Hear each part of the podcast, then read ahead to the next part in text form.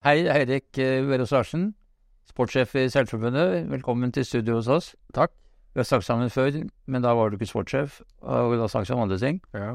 Og du skal ikke legge skjul på at det var noen som eh, himlet litt med øynene da du ble ansatt som sportssjef i seiling. Eh, etter at Rigo Denors gjerne ville fortsette, og han var jo en faglig meget god eh, seilcoach. Men eh, det var jo i hvert fall én god grunn eh, til å ansette deg. Det var at eh, du vet hvordan man skal vinne olympiske gullmedaljer. Og, og det er jo det man trenger i seiling også. Ja. Så hadde du holdt på med å trene seilerne i utholdenhet på Olympiatoppen, husker jeg.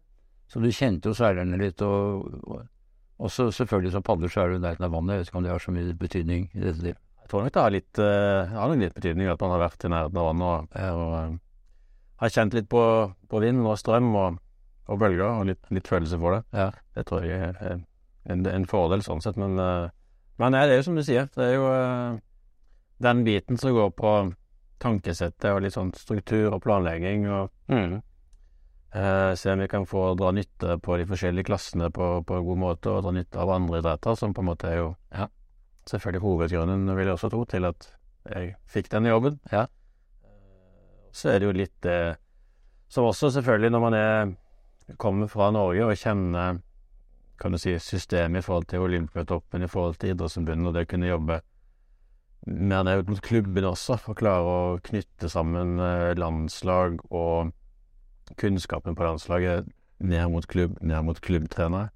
Det er jo noe som også var iallfall utlyst til stillingen Ja. eh, som vi skal jobbe med. Så det er jo eh, også noe som, eh, som ligger til min, min jobb, og som jeg eh, jobber med, men jeg har ikke fått brukt så mye tid på det ennå. Nei. Det har vært liksom å sette liksom landslaget og sånn struktur der først, og så eh, ja, har vi begynt sakte, men sikkert med å jobbe med, med, med bredden nedover også. da.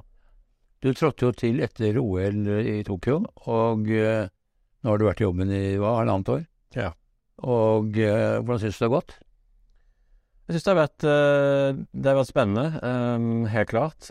Eh, Og så har det vært Skal vi si, i fjor var jo litt spesiell sesong, følte jeg, for vi Ja, vi har jo de utøverne som presterte best i Tokyo. De tok, det, tok det litt mer forsiktig.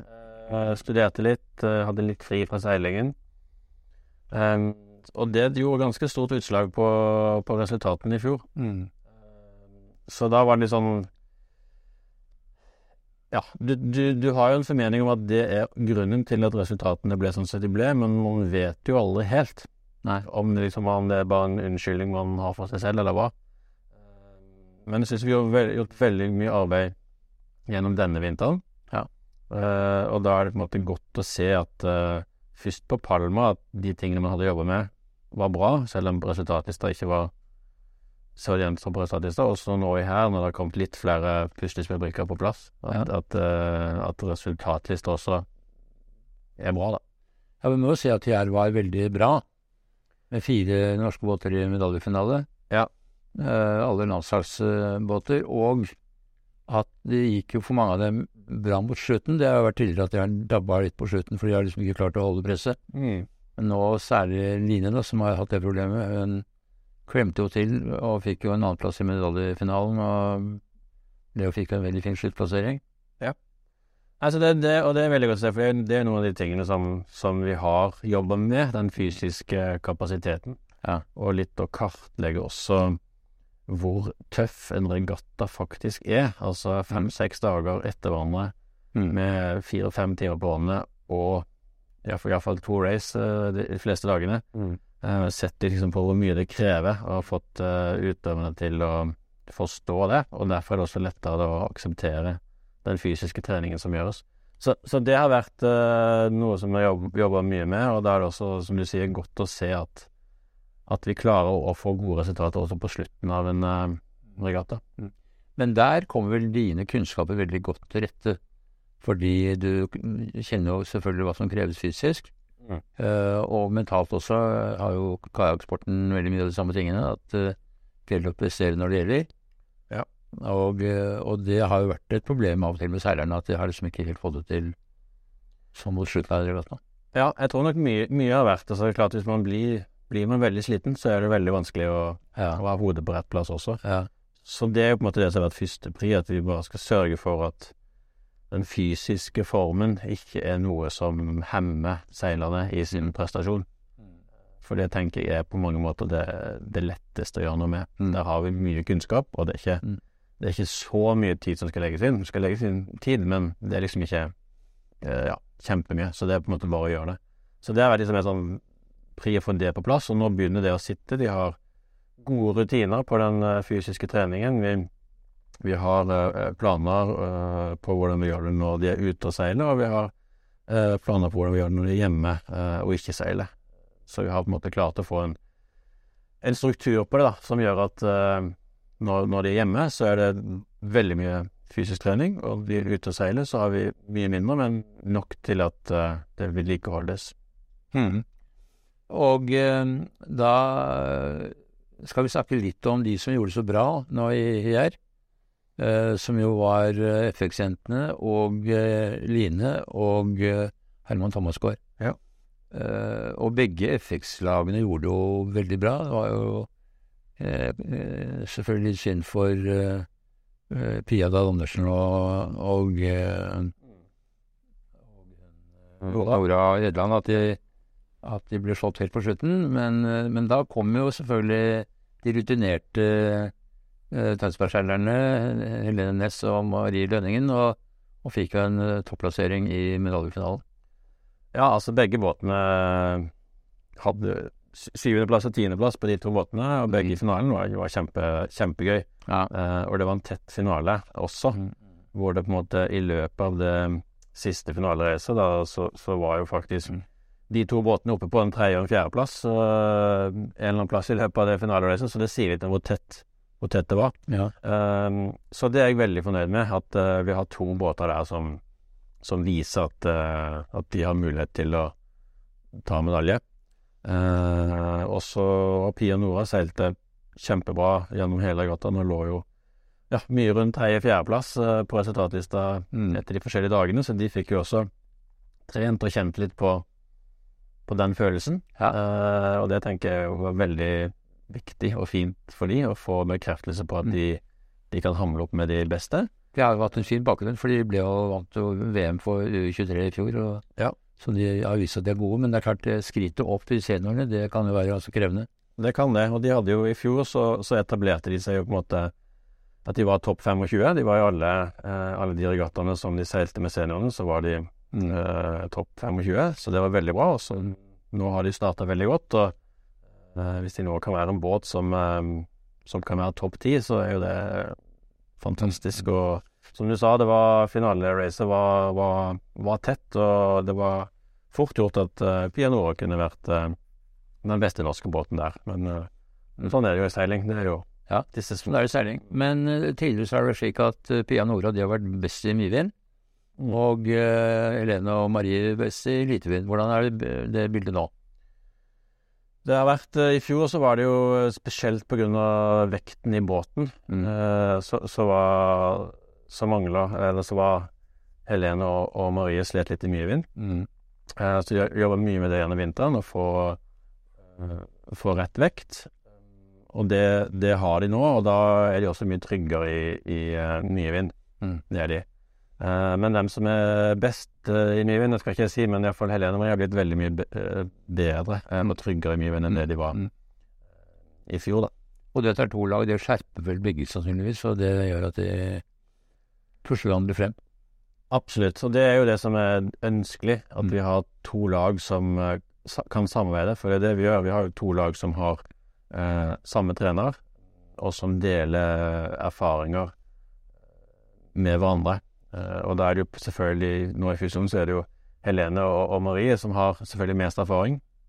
Og de har vært eh, utrolig flinke til å, til å dele eh, deres opplevelse og deres følelse i båten til, til Pia Nora. Um, og det er jo helt klart en av grunnene til at Pia Nora også har uh, fått så rask framgang. Um, fordi at den, den framgangen de har hatt, har på en måte forsert alle Mm. trapper som, som man har sett for seg. Mm. Så det er to ting. Det er at vi, vi har hatt to lag som er eh, flinke til å respektere hverandre, og at eh, Helene og Marie faktisk er så åpne at de deler alt eh, av sin kunnskap, og samtidig at Pia Nora klarer å, å omsette det til, til handling. Så det, det, det har vært utrolig bra. Eh, og også nå så er vi jo på en måte Så var jo her første del av, eh, av en OL-kvalik. Um, og der også er det jo fort gjort at man liksom kan eh, At man kan tenke at det begynner å bli vanskelig å samarbeide, men, men det også fungerte veldig godt. Så hadde vi to eh, Nå i her så var det jo da hadde vi to eh, trenere utpå. Uh, så da var jo Anders Pedersen med, som seilte Finnjolle før. Han var med som, som, trener, eller performance coach, til Pia Nora akkurat på Hyæregattaen. For at vi skulle få uh, ja, li, litt likere forhold med de to båtene. og at de skulle få nok tid på, på hver sin ribb, da. Som har vært en utfordring på en del andre regattaer. Når vi har to norske båter og bare én ribb, så blir det plutselig litt liten tid mellom løpene. Men her er det vel også eh, lærdom å hente fra andre idretter som vi er gode i. Fordi at der ser man jo at individuelle idretter som fungerer godt mm. med de andre på laget, det, det gjør jo at eh, individene også blir bedre. Absolutt. Så det er, jo, det er, jo, det man ønsker, at man må ha et godt norsk lag som, mm. som klarer å, å, samarbeide, dele erfaringer, dele kunnskap, um, og som på en måte også klarer å heie på hverandre. Mm. Og så er det selvfølgelig, når startskuddet går, mm. uh, så er man konkurrenter. Ja. Men, men, alt uh, utenom uh, startlinje og mållinje, mm. da må vi klare å, å, mm. å samarbeide og dele. Um, og et av de beste si, eksemplene på det syns jeg er alpinlandslaget, hvor, ja. hvor du har liksom um, Førstemann som er utfor bakken den dagen, kommer til mål, og så er det rett på, på sambandet. Ja. Uh, og melder fra hva, hvordan var det løypa var i dag, hva er det man må passe på, hva er det som er forskjell i, i forhold til når de hadde gjennomkjøring et par dager før. Mm. Og det får jo da uh, Ja, ting Hvis det da var som det var, at Kjetil Jansrud kom ned først, så melder de fra og vet at uh, Aksel Lund Svindal uh, er hans, hans, største konkurrent. Ja. Uh, og den informasjonen som han gir til Aksel nå, den vil sannsynligvis høyne sjansene ja. for Aksel kan slå. Men det er litt det er der vi Det er på en måte bildet vi, vi prøver å få til, og, på, og i FX-klassen så har vi klart det veldig, veldig godt. Ja. Det er jo heldig med FX-klassen, for det er jo to båter. Det er jo litt verre i Ilka-klassen, for der er det jo egentlig bare én med skikkelig kvalitet i hver kategori. Og Herman og, og Line har jo ikke noen konkurrenter, egentlig. Nei, de, de har ikke det. Nå skal sies at på, på Ilka 7 uh, så har jo Uffe Thomasgaard, bror til Herman, seilt uh, veldig bra i, i, hele år. Han har jo uh, ble jo 43 nå, da, uh, på, på Jær, og har jo da vært i gullfinalen, eller blant topp 50. Uh, nå var jo både på Palma og i EM også her tidligere i morges, vel. Ja. Så han har på en måte etablert seg der. Um, så det er vei, han er på, absolutt på vei opp, uh, men, men, det er fortsatt så du si, en nivåforskjell mellom, mellom Herman og, og, det Uffe gjør, uh, eller ja, Theodor også, som er på landslaget. Mm. Så, så, der har vi disse samarbeidene da, hvor det er på en måte viktig for oss å ha koblet oss mot andre sterke seilere. Så vi har jo da i begge de klassene et uh, etablert samarbeid med Finland. Ja. Uh, for å på en måte Og da, i Hermans tilfelle, så har vi et sånn offisielt samarbeid med Finland, men i tillegg så har jo han en treningsgruppe bestående av um, den beste tyske seileren og den beste franske. Uh, og de jobber som et lag. Ja. På samme måte som, som vår FX-seilere gjør innad, uh, så jobber de uh, på Ilka 7. Deler kunnskap med hverandre, da. Mm. Og det også har jo fungert eh, Eller fungerer veldig godt.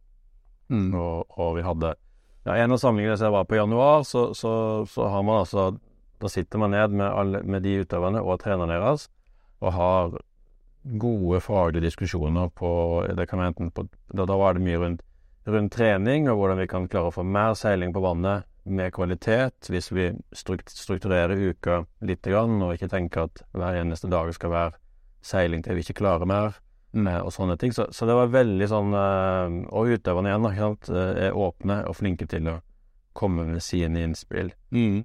Og da er jo tanken det samme der, at hvis vi gjør det, så klarer vi å løfte hele den gruppen. Og så uh, istedenfor at vi da skal bli slåss om uh, fra 10. til 15. plasser, så, så kan vi heller slåss om første til tredjeplass. Ja. Ja, nei, fordi, fordi for ti beste, altså medaljevinnere, det er jo egentlig veldig bra. Men det er jo ikke det man seiler for. Det er jo, det er jo medaljer som det står om. Ja, det er det. Men da må man også Først må man, først må man bli blant de ti, Ja. og så, må vi på en måte må det være Tenker jeg, så må vi være litt stabile og etablerte Mm. der. Eh, og så gjelder det å sørge for at man gjør minst mulig feil, for å si det sånn. Så man kan ta hjem gullet. Men du mener at man er i rute mot medalje da i Paris? Ja, det mener jeg. Der, der, vi er, der vi er nå, våren 2023, så Mm. tenker jeg at vi har eh, At vi har tre eh, medaljekandidater. Mm. Så vet vi jo at det er ikke alltid at alle kandidatene slår til. Nei? Men hvis vi har tre medaljekandidater, så er vi i rute for å kunne eh, ja, komme hjem med én medalje fra, fra Marseille, da. Og det er da selvfølgelig de to Irska-båtene og uh, FX FX. Og det vet vi jo ikke hvilken by, selv om da eh, Helene og Marie har tatt første stikket, da, kan man si. Nei, Altså, det er jo Det, det er foreløpig helt åpent, og så er det da VM i august, som er på en måte I forhold til FX, da, så er det VM i august som er neste konkurranse som, som teller, og så er det EM i november. Så det er de, disse tre konkurransene. Eh, Så der på FX har vi jo hatt et ønske om å ta det, gjøre det uttaket nå, i- altså ha det ferdig i løpet av høsten 23, fordi at eh, de har jo eh, sin egen båt, eh, og da kan vi, har vi god nok tid til å få tak i det rette utstyret og fintune, bare jobbe med, med, med utstyr og trimme båt, som vi vet at uh, alt er 100% hvis, hvis vi hadde dratt liksom det uttaket til våren 2024, Mm. så er jeg redd for at den uh, skal vi si, fightingen mellom de to båtene kunne ødelagt for at vi klarer å optimalisere eh, alt som handler rundt utstyr og den ene båten. Mm. Mm. Men så har vi også en uh, 49er. Ja. Mathias Berté og Jeppe Nilsen. Ja. Jeg har ventet litt på dem, at de skal kunne komme, for vi vet jo hvor utrolig lovende han er, han Mathias. I 39er så var han jo helt suveren og som juniorskjærer. Men han har liksom ikke fått det helt til. Men nå viste han jo i her at uh, han nærmer seg. Ja, Mathias og Jeppe har eh, de, de seilte bra også i fjor, og så fikk de, fikk de litt sykdom, eller Jeppe ble, ble slått ut av litt forskjellige ting. Så de hadde en, en, en god vår i 2022, og så Mm. handla litt om å egentlig bare få bli frisk og få trent med bra. Og så har de hatt en bra vinter nå, og ting har fungert. Og Høyær nå var Ja, nå var de tilbake igjen, for å si det sånn, og, og topp 25. Mm. Der var et godt resultat. Ja. Og det er jo også Så de er jo en båt som helt klart er i rute til å kunne kvalifisere seg til, eh, til Paris. Ja. Um, så det er kjempegøy, og det samspillet mellom Mathias og Jeppe uh, fungerer veldig godt. Uh, ja, som du sier, Mathias er jo en veldig dyktig seiler, det har han vist før. Uh, men Jeppe er også fantastisk flink på, på boathandlingen og liksom bare akkurat gjør de rette eh, bevegelsene. eh, og har god følelse på hva som skaper fart i båten. Så de er et godt, eh, et veldig godt par. Ja. Eh, Og så har vi presseeierne, det var ingen av dem som var med i her, men eh, de er også gode, kanskje særlig på jentesiden. Er det Ja. en tre-fire lag som snuser på ganske høye plasseringer? Ja, vi har jo eh, De var ikke her fordi at de har eh, EM forberedt, begynner nå eh, 9. mai. Så da de, var det bedre for de å dra rett eh, dit til Hellas som det skal være, og, og få bli kjent på banen der, eh, og få lagt inn en litt eh, ordentlig treningsperiode i forkant. Eh, men de var på Palma, og, og da var det som du sier, spesielt på, på damesiden, så, så er vi på en måte også veldig bra i rute til å kvalifisere en, eh, en plass. Og så er det jo Det er en ny klasse, så det er på en måte Det går veldig Det går veldig fort eh, oppover. Men så kan du si på, på Palma så var jo beste norske, som var, som var Helle Oppedal da, hun eh, ble jo 24, men hvis du bare tar ut nasjonene, som er det som på en måte teller, så, så var hun på en tiendeplass da. Mm. Så det er jo noen nasjoner der som har fem-seks bra seilere i toppen, som, gjør at det liksom blir litt forskjell på resultatliste og, den, og hvis du lager en egen liste på nasjonene. Nei, så, så, så hele Oppedal eh, Kjempespennende. Og så har vi Min, Mina Mobek eh, fra KNS, eh, som også er en ung seiler. Hun er jo 18 år. Um, utrolig eh, godt fysisk trent. Uh, og, og, pumper jo forbi de fleste andre seilerne i det feltet. Uh, hun har ikke fått seilt så mye i år pga. Uh, nå det siste året på, på videregående, ja. som er liksom litt greit å få med seg. Så det er greit å prioritere det litt. Ja. Og så har vi da to yngre jenter til da, med i, i Tuva Oppedal og, og Maja Gisler, som uh, De er vel begge 17? 16-17. Mm. Så et ungt, ungt lag, uh, men med seilere som, eh, som, er veldig spennende. Ja. Så er det så, så der er det vi jobber med nå, å få dette til å bli et lag som, som jobber godt uh, sammen, og som vi kan klare å dra nytte av hverandres uh, styrker i. Mm. Mm. Og så har vi jo på, på herresiden med Endre Funnemark, som, som, da seilte jo RSX i Tokyo. Ja. Og har gått over til, til Ikefoil. Og ja, og der var det jo på RSX, som de fleste husker, så var det om å gjøre å være ganske lett. Så, så der, for han var det sånn eh, Han har liksom Endre har liksom gått, har gått opp eh, nærmere 20 kilo for, for, å tilpasse seg den nye klassen. Så det er ganske ja, det er ganske godt gjort, for å si det sånn. Ja. Men det sier litt om hvor dedikert man er da, for å få det til. Mm. Mm. Så, så, på, på herresiden der så, så, har vi jo klart å få til et samarbeid, eller Endre har klart å få til et samarbeid med det nederlandske laget, mm. som er da helt klart et av verdens beste brettlag, hvor de har uh, tatt de tre siste OL-gullene. Uh, så det har målet vært å, på en måte, å kunne være med de mest mulig for å lære den kulturen uh, og se hva de gjør. Så det har fungert godt i vinter, og de jobber mye med å jobbe mye med fart. Det fungerte godt på Palma, men det var mye annet som ikke fungerte godt, spesielt startene. Så der er det på en måte noen ting som er veldig bra, og så er det noen ting som vi helt klart holder på å jobbe med nå, da. For at det skal bli et sluttresultat skal bli enda bedre. Men igjen så er det sånn hvis, hvis vi ser på nasjonsplasseringene der, og hvor vi, hvor vi er hen i forhold til en OL-kvalik, så, så, er også det eh, i rute, da. Mm. Så vi har på en måte de tre medaljebåtene, og så har vi eh, 49er og eh, og, er, er, og Eikefoilene, ja. som på en måte ligger godt i rute til å kvale til OL. Og så er det jo Det som også er spennende med Arkefoil, er jo det finaleformatet. Ja. For det er veldig annerledes. Der er det jo eh, de ti beste går inn i en finale, men så nullstilles jo poengene. Mm. Så er det jo en utslagskonkurranse. Så det vil si at eh, kommer man til finalen der, eh, og er flink på å treffe start om den utslagsbiten, mm. Så har man veldig god sjanse på, på medalje. Ja, akkurat. Eh, så har vi hatt eh, nå de siste årene et veldig godt trenerapparat. Thomas Guttormsen er et eksempel på det, som har jobbet med FX-jentene i en årrekke. Mm. Og er vel blitt en del av laget så nær som du kan. Ja.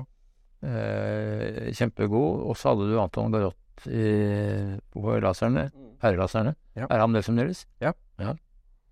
Stemmer. Så har Thomas Guttormsen, er jo trener for FX, og, og Anton Groth for, eh, for Ilka 7, eh, da hovedsakelig for, eh, for Herman og det finske seileren, så han har på en måte to to seilere, så vi deler, deler Anton med, med Finland. Eh, og så var jo Lars Lønniken trener for Line i Tokyo. Eh, men Lars har ikke mulighet til å være med så mye som, som det kreves for å følge opp Line året rundt, så der har det vært veldig klar på at vi trenger en trener som kan være en teknisk trener og ta liksom den helheten. Så da ansatte vi jo, hadde en runde på det, og i fjor, for et år siden så ansatte vi en, en en nederlandsk trener som heter Steven, Steven Lefebvre. Mm -hmm. eh, som er da Ylka-trener for Line, og også for den beste finske seileren. Akkurat. Eh, men så er Lars foreløpig Lars Lønniken med på de store konkurransene. Sånn at han, Steven og Lars Lønniken samarbeider eh, Ja, samarbeider om, om, om Line. Så, så, det er Ilka, og så har vi da på IQ Foil så er det Per, Mo, per Moberg som uh, følger opp uh, Endre Funemark. Ja. Og der hadde vi jo utgangspunktet to norske seilere. Det var også Kristian Linderud, som, uh, som nå også er 18 år og siste år på Gjøun, som var inne på det laget. Men han har, hatt, han har vært vanskelig å satse, satse fulltid med, med, skolen, og også litt i forhold til ja, den økonomiske biten som man må putte inn. Um, så han har på en måte bestemt seg nå at i forhold til en 2024-satsing, så ser han det som uh, lite sannsynlig at han er den som tar den plassen. og Dermed har han valgt å gå i militæret nå, og så heller uh, begynne på nytt igjen, da, for å si det sånn, uh, mot en 2028-satsing. Så, så Christian er ikke med denne sesongen. Men da har vi også samarbeid med Finland der, på, på brettet. Så er Så har du Olga Maslivets fra Ukraina? Stemmer. Så på damesiden, eh, der har vi jo heller ikke hatt noen trener før. Eh, så hun, så Olga Maslivets fra, fra, Ukraina har vi ansatt, eh, men hun begynner ikke før nå, ja, om en 1. juni, da. Og det er også litt fordi at de jentene som IQ-jentene som, som, er på laget der, de fleste de ja, går jo på skole og har eksamen og sånn, så vi må på en måte gjøre ferdig noen ting, og så begynner Olga på den, på den jobben. Men det blir veldig spennende. Uh, hun er i hvert fall en veldig god brettseiler. Hun har jo holdt på i mange år og kjempet mot de beste norske årevis. Det har hun. Og så etter hun, hun ga seg som brettseiler selv, så, så, seilte hun eh, en, en kampanje på, på Nakra. Mm. Så hun har også fått, uh, sammen med, med, en av de beste spanske seilerne uh, Så hun har også på en måte fått den erfaringen i forhold til ja, båt, og også være mannskap, da, eller være to, to om bord. Um, og så har hun også en faglig bakgrunn som, som er, eh, er, viktig for oss, da. Når vi ser at hun kan Ja, i forhold til litt rundt den fysiske treningen og struktur på treningen, så, så kommer hun jo fra en, et regime hvor de er, veldig flinke til å, å tenke eh, strukturert og, og, og, og la målene styre hva man skal jobbe med.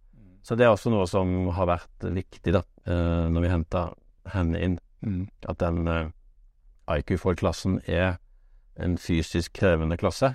Eh, og da må vi ha en trener som, som også kan det. Mm. Og selvfølgelig også den andre seilbiten. Noe av jobben din er også, som du var inne på tidligere, er å sikre efterveksten i, i norsk seiling. For at det spas på med litt gode rekrutter. Hvordan du det ser ut? Hvordan ligger han med det?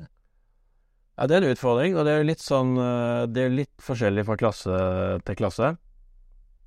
Uh, så på en måte i Ilka 7 så, så, har vi jo seilere som, uh, som kommer bak, uh, og som er, som er, Hvis vi ser sånn 2028-perspektiv, hvis nå Herman Thomasgaard gir seg etter, etter Paris, mm.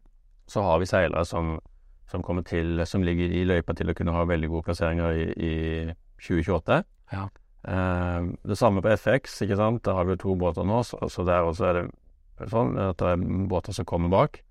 Eh, hvis, vi, ser er lenger ned, ja, hvis jeg lenger ned, så, så er det litt forskjellig på, på klassene. Men det er en sånn som Ilka 6, for eksempel. Der har vi et lite tomrom mm. uh, etter, etter line.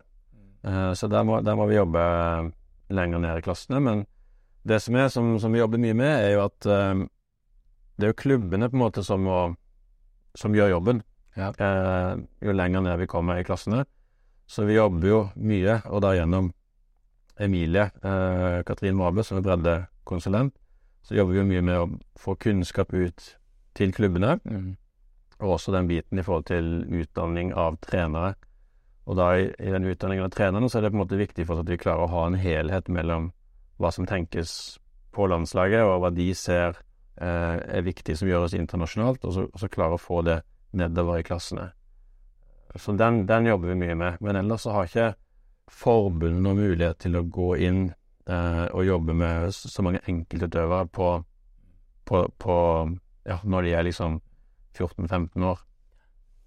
Men da er det godt å se at du har en plan og et uh, godt lag å jobbe med.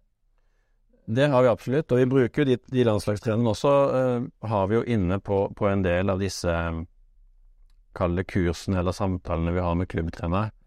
Uh, og der har jo Jens Ludvig Høst, som er, som er trener, eller utdanningsansvarlig, gjort en kjempejobb med å, med å klare å, å få sydd sammen disse programmene, og også koble de beste landslagstrenerne vi har. og vi har også hatt en del runder hvor de beste trenerne våre og utøverne er sammen og forteller litt om hvordan de jobber, Ja. eh, og hvordan, eh, hvordan utøverne også på en måte har et stort ansvar i forhold til å eh, formidle hva de føler til sin trener, sånn at Mm. En trener kan liksom ha, sitte på enda mer informasjon og ta, ta bedre avgjørelser. Så, så, så det, er, det jobbes der, men, men for min del så er det på en måte det som har vært med landslaget, som jeg har brukt aller mest tid på. Og så er det på en måte litt rundt en trenerutdanning, det å kunne få samlet eh, klubbtrenere eh, til gode diskusjoner rundt hva som bør gjøres av type treningsøkter både på sommer og på spesielt på vinter, liksom. Ja. Som er på en måte litt sånn neste steg, da. Ja. Så vi bare sikrer oss at uh, det som gjøres i klubb, og også gjennom videregående skole, er uh, godt nok til at uh, de har mulighet til å bli toppseilere. Og det, det, tror jeg det, det, det tror jeg det er allerede, men vi må på en måte likevel ha, liksom, prate litt rundt det, sånn at vi, vi holder den røde tråden i det. Og samarbeid med Olympiatoppen, det er bra, sikkert. Samme på Olympiatoppen er, er veldig bra, eh, og det har jo også vært en av en viktig oppgave for meg eh, når jeg begynte. Um, og, og det er klart at det er Olympiatoppen som er jo eh, vår største sponsor. Det er der vi får eh, midlene som gjør at vi kan holde på på det nivået her. Altså, det er ikke helt riktig, det. Altså, vi, Seilforbundet er jo den, den som putter inn mest midler, men, eh, men Olympiatoppen eh, putter inn tilsvarende midler, de også. Så, så det, er den ene biten, den eh, økonomiske biten, og så er det på en måte alle fagressursene der oppe Mm. som vi bruker på en god måte. Mm. Uh, og det Ja, så jeg kjenner jo selvfølgelig det, Jeg, jeg jobber jo der uh, i tre-fire år etter jeg slutta som aktiv selv, så jeg kjenner jo på en måte systemet og, og kjenner de forskjellige fagfolkene også. Så der, der, så der har vi klart å gjøre mye, mye spennende. Og det er også noen ting vi gjør der oppe som selvfølgelig vi skal spre nedover i, i miljøet. Um, helt klart. Så, så men, ja, så, men en av de største utfordringene er jo fortsatt er jo økonom, økonomien. Ja. For det er klart at um, ja, det koster selvfølgelig Trenere koster, uh, men bare aktiviteten rundt å komme seg rundt uh, og få seilt rundt om i Europa er en utfordring. Så men vi hadde Vi la et godt budsjett, fikk et godt budsjett nå som fikk lagt av i desember, som jeg var veldig fornøyd med. At det her, det her eh, er Dette gir oss muligheten til å, til, til å få gode resultater. Um, men så er det klart, det har skjedd noe med kronekursen Ja. siden den gang. Ja. Så, så det har eh, Det har ikke vært bra. Det, av det budsjettet vi har, sant, så er det ca. litt under 5 millioner som vi betaler i euro. euro. Og når det blir plutselig 20 eh, reduksjon der, så, så mangler vi eh, midler. Så, så det er en av de tingene som jeg også dessverre må liksom bruke mye tid på Mm. for å, å klare at eh, vi faktisk da kan ha nok midler til det. Så, men sånn er det. Det alltid. Dette er jo da en uh, førolympisk uh, sesong, Mm. og veldig viktig for både forberedelsene og, og uh, for å føle de andre litt på pulsen. Men det er jo noen store rivaltaer som samler alle. Ja. I tillegg til M og VM, så har du da I Holland så er det jo World Sailing Championship, og det er selvfølgelig veldig viktig for de norske seilerne. Det er det. Vi har to, to regattaer i år som samler alle. Eh, og det er Olympic Test Event, eller prøve-OL, som er det norske ordet på det. Ja. Eh, så den går jo i Marseille da fra 10. til 16. juli. Men da er det bare én båt fra hver nasjon, er det ikke det? Da er det bare én båt fra hver nasjon. Ja. Men det er sånn eh, det er jo sånn det vil bli i OL også. Ja, ja. ja. Så, så da, den gode, men den, for oss er det en viktig regatta i forhold til at vi da samler laget. Vi, får vi bor på samme plass. Eh, så da gjelder det jo på en måte å kunne dele kunnskap på en god måte mens vi er der. Eh, sørge for at vi eh, spiller hverandre opp. Eh, selv om noen er misfornøyd med sin dag på seiling, eh, så må ikke det på en måte dra ned de andre.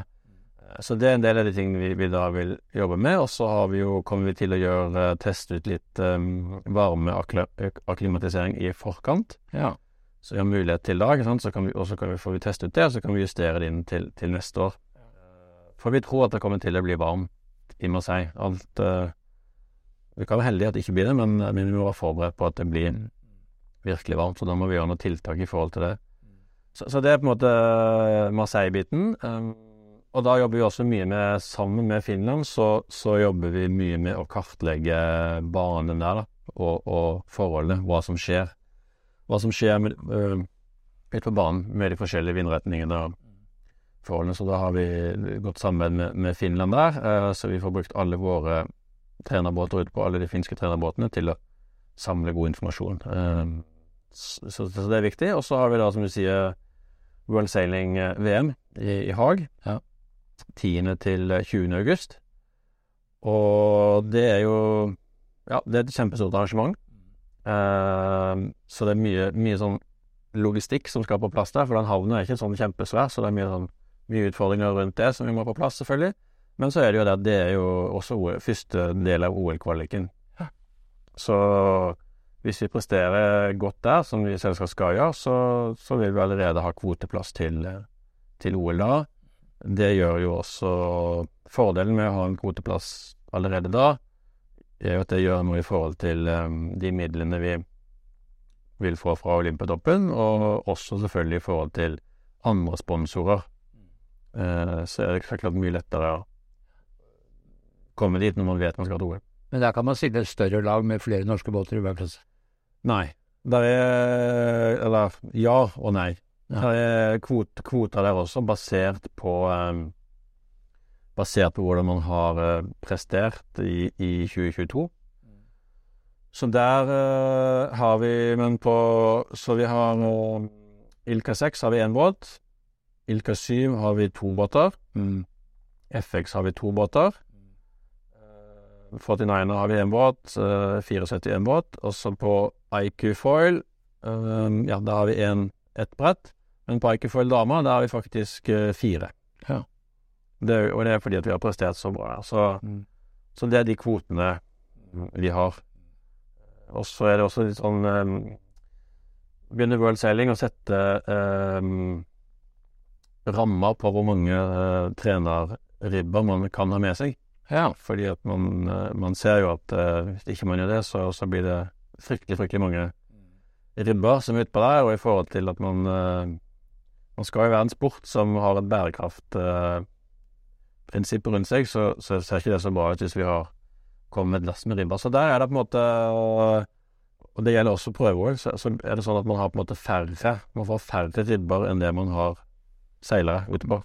Mm. Um, så det er jo også selvfølgelig en utfordring, men vi som sagt har jo et samarbeid med Finland, så vi løser det på en, uh, på en god måte. Men um, det er også spennende å se da, at det er, den, det er jo den veien det kommer til å gå med disse trenerribbene ute på de store mesterskapene. At uh, sannsynligvis så, så, kan det godt være at de blir i en del klasser bare fjerna helt. Ja. Uh, Eirik Bjøs Larsen, tusen takk for at du kom hit. Hyggelig å være her. Dele dine erfaringer med oss. Og ikke minst innsikt i hvordan de norske seilerne gjør det for tiden. Det ser veldig spennende ut, og ønsker dere lykke til. Takk for det. Takk for praten. Takk.